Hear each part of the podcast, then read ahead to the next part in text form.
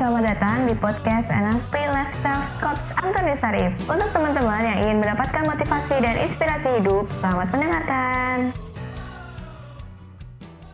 Teman-teman, kembali lagi di YouTube channel Panduan Hidup dengan NLP dengan saya Karin dan kali ini kita akan membahas soal kekecewaan. Kadang tuh kita kecewa buat ngelakuin sesuatu, tapi kadang berujung penyesalan, kadang tapi kadang kecewa itu tidak berujung dengan penyesalan. Nah, sebelum masuk ke topik kita simak yang berikut ini ya. Sebelum Anda lanjut nonton video ini, silakan Anda subscribe, like, dan share kepada teman-teman Anda sehingga channel ini bisa bertumbuh.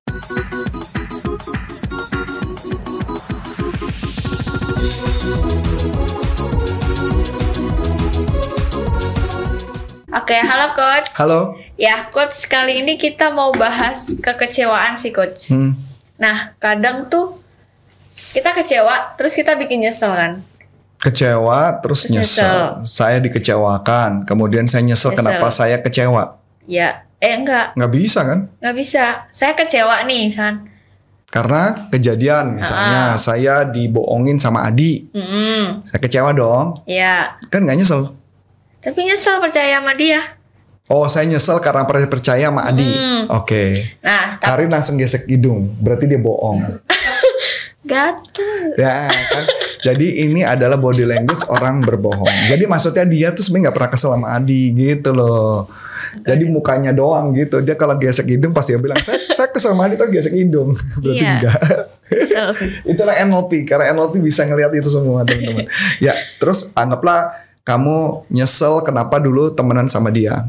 Oke Iya. pertanyaannya adalah Ada kan yang kecewa tuh bikin gak nyesel? Ada nggak? Kayak misalkan banyak loh Ah, kecewa, kecewa. kecewa, kecewa sama hidup banyak kayak kan. kecewa ah ya udahlah gitu. Kadang kecewa. Nah, gini, kalau dalam NLP kita cuman mengatakan gini sih sebenarnya.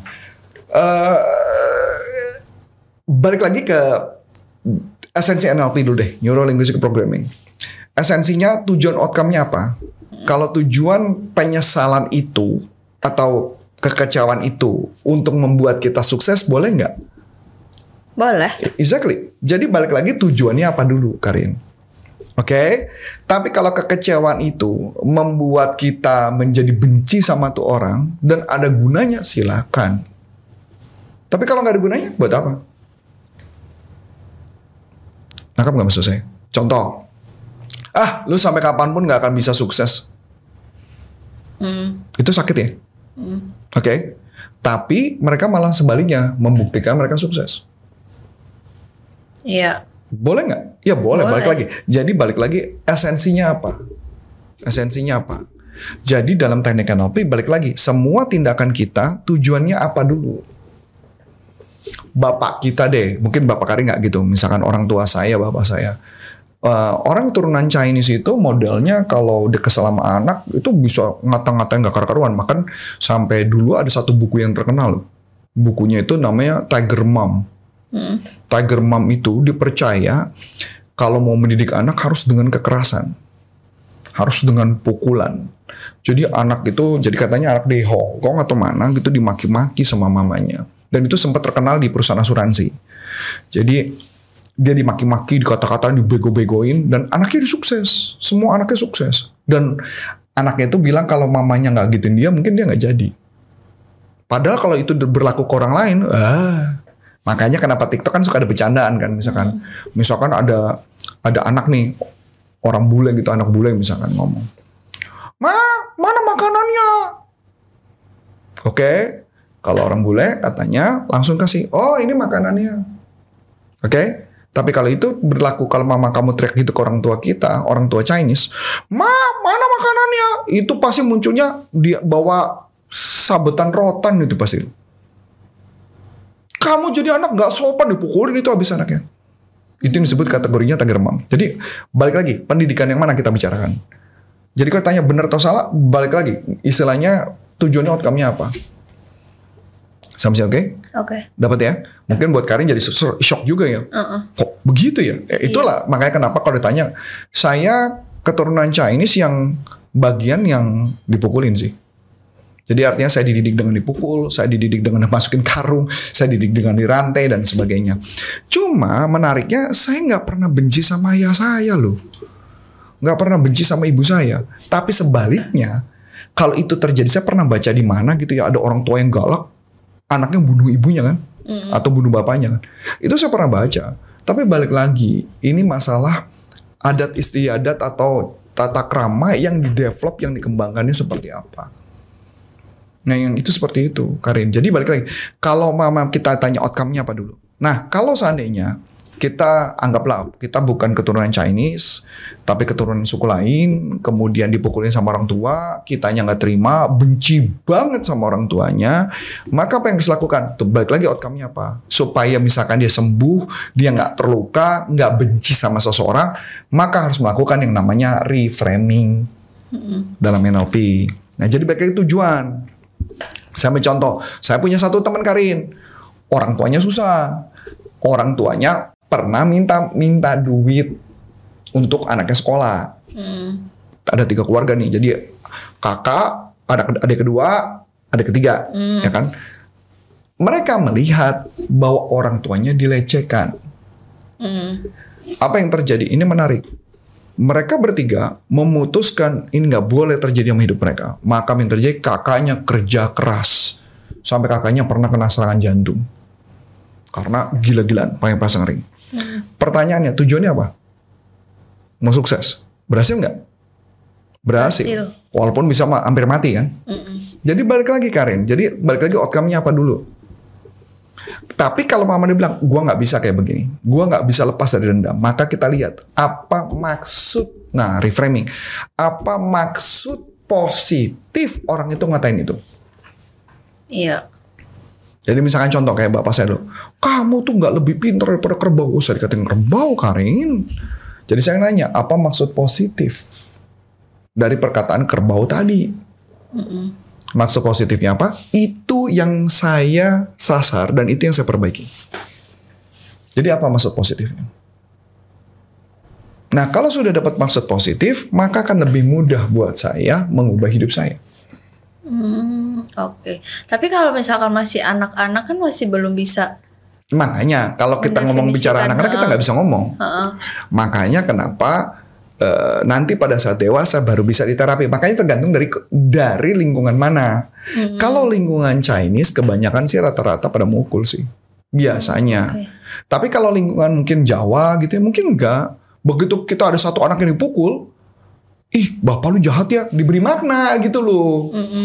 Kalau di di Chinese enggak Karin. Udah wajar gitu. Udah wajar, udah istilahnya kayak udah wajar dan selayaknya dan sepantasnya gitu loh kesannya gitu. Oke. Tapi kalau misalkan anak nih coach, dia tuh bandel gitu ya. Mhm. Kan ada anak yang di diem apa dibaikin aja jangan begitu gitu Hmm, kan gitu hmm. bisa. Tapi ada yang harus mukul gitu kan. Mhm. Nah, kadang yang dipukul itu malah lebih nakal loh coach. Betul. Itu kenapa sih coach? Eh, itu balik lagi karena ada pemberontakan. Itu ada pemberontakan. Balik lagi masalah budaya. Balik lagi ke masalah budaya ya. Kalau ada orang turunan Chinese yang kebetulan tinggal di luar negeri, kemungkinan besar mereka nggak terima. Tapi kalau keturunan Chinese atau dari Chinese asli kayak Hong Kong, ya kayak di Taiwan mungkin, I don't know kalau Taiwan, mungkin di Chi- China-nya sendiri, karena hidupnya mereka susah, mereka akan melakukan seperti itu. Termasuk kami, saya sendiri pun juga mengalami itu. Jadi balik lagi, kalau anak itu jadi pemberontak, wajar, semua pasti jadi pemberontak. Kalau dimarahin nggak ada yang enggak sih. Karena dia merasa hidup gue dikekang, hidup gue problem. Jadi begitu bebas, kayaknya semua dunia mau disikat sama dia. Itu normal. Jadi kata kuncinya apa? Balik lagi tujuannya apa? Outcome kita apa? Kalau tujuan kita mau sembuh, reframing aja. Nggak usah pusing. Selain teknik reframing ada lagi? Hmm, untuk sementara ini adalah teknik reframing yang paling sederhana. Memang banyak teknik lain, yaitu adalah Swiss pattern dan teknik lain macam anchoring juga bisa. Tapi dengan teknik uh, reframing, kita coba mencari tahu apa sih maksud positif positif. bapak gua atau apa sih maksud positif orang itu membegituin gua gitu loh. Jadi walaupun kita bilang nggak ada maksud positifnya, nggak ada. Coba pikirin dulu. Oh, karena mungkin kayak udah terlalu cepet ngambil keputusan, "Ah, kesimpulan. itu- itu Iya, dia benci banget. iya, Iya, betul. itu benci sama gua. Kayaknya bapak gua mau bunuh gua. Nah, itu pemikiran itu yang kadang jadi ngaco. Apalagi ditambahin lebay-lebay di sekitar. Makanya kenapa keturunan Chinese keturunan Chinese kan kayaknya I don't know ya. Ada nggak cerita dia ngebunuh bapaknya sih? Nggak tahu ya. Kecuali mungkin kalau dia udah besar dia yang bunuh bapaknya ada. Karena untuk buktiin gue bisa. Biasanya mereka ngebunuh itu kalau setahu saya beberapa cerita karena misalkan dia sayang sama mamanya, mamanya disikat, makanya dia belain. Biasanya begitu yang saya temukan. Tapi kalau dia dipukul karena kebandelan dia biasanya enggak. Tapi kalau karena berkaitan dengan orang dicintai mereka biasanya lakukan. Tapi mungkin dengan suku lain beda. Iya. Karena ih Karin lu dipukul gila tega banget sih bapak lu. Nggak kayak bapak gua. Ah, kan ceritanya jadi iya Jadi, ya. jadi nambah Iya, gitu loh data database bahwa iya kayak bapak gua benci sama gua ya. Kayak gitu Iya. Karin. Oke. nggak tahu kalau di suku lu gimana? Nggak dimukul Nggak. langsung dipacul. Ya itu maksudnya. Jadi kan balik lagi ke budaya. Tapi kalau misalkan dia dipukul mungkin teman-temannya akan ngomongin kan gitu ya? Iya. nah itu masuk akal kayak gitu. Ada kan temen yang dipukulin? Ada. ada. Dia ngomongin apa emak gue galak banget ya. Ah. Gue dipukul sampai dipukul. ah terus teman-temannya pada ngomong apa Ih, ditambahin. didramain tuh kan didramain gitu kan bener Iya. tinggal tinggal percaya sama gue dia udah dewasa pun masih benci kayaknya sama orang tuanya tuh bisa jadi Iya. nah kan. Ya balik lagi ke lingkungan. Masalahnya lingkungannya. Balik lagi ke lingkungan. Oke. Oke, gitu aja. Kayak Karin cukup. Ya, menurut aku cukup, kayak soalnya saya harus mengajar abis ini. Oke coach, kalau mau tadi kan baru reframing. Hmm. Kalau kita mau bahas-bahas teknik yang lain, kita ikut kelas apa sih coach? ikut pelatihan. Ada pelatihan NLP persuat transformasi.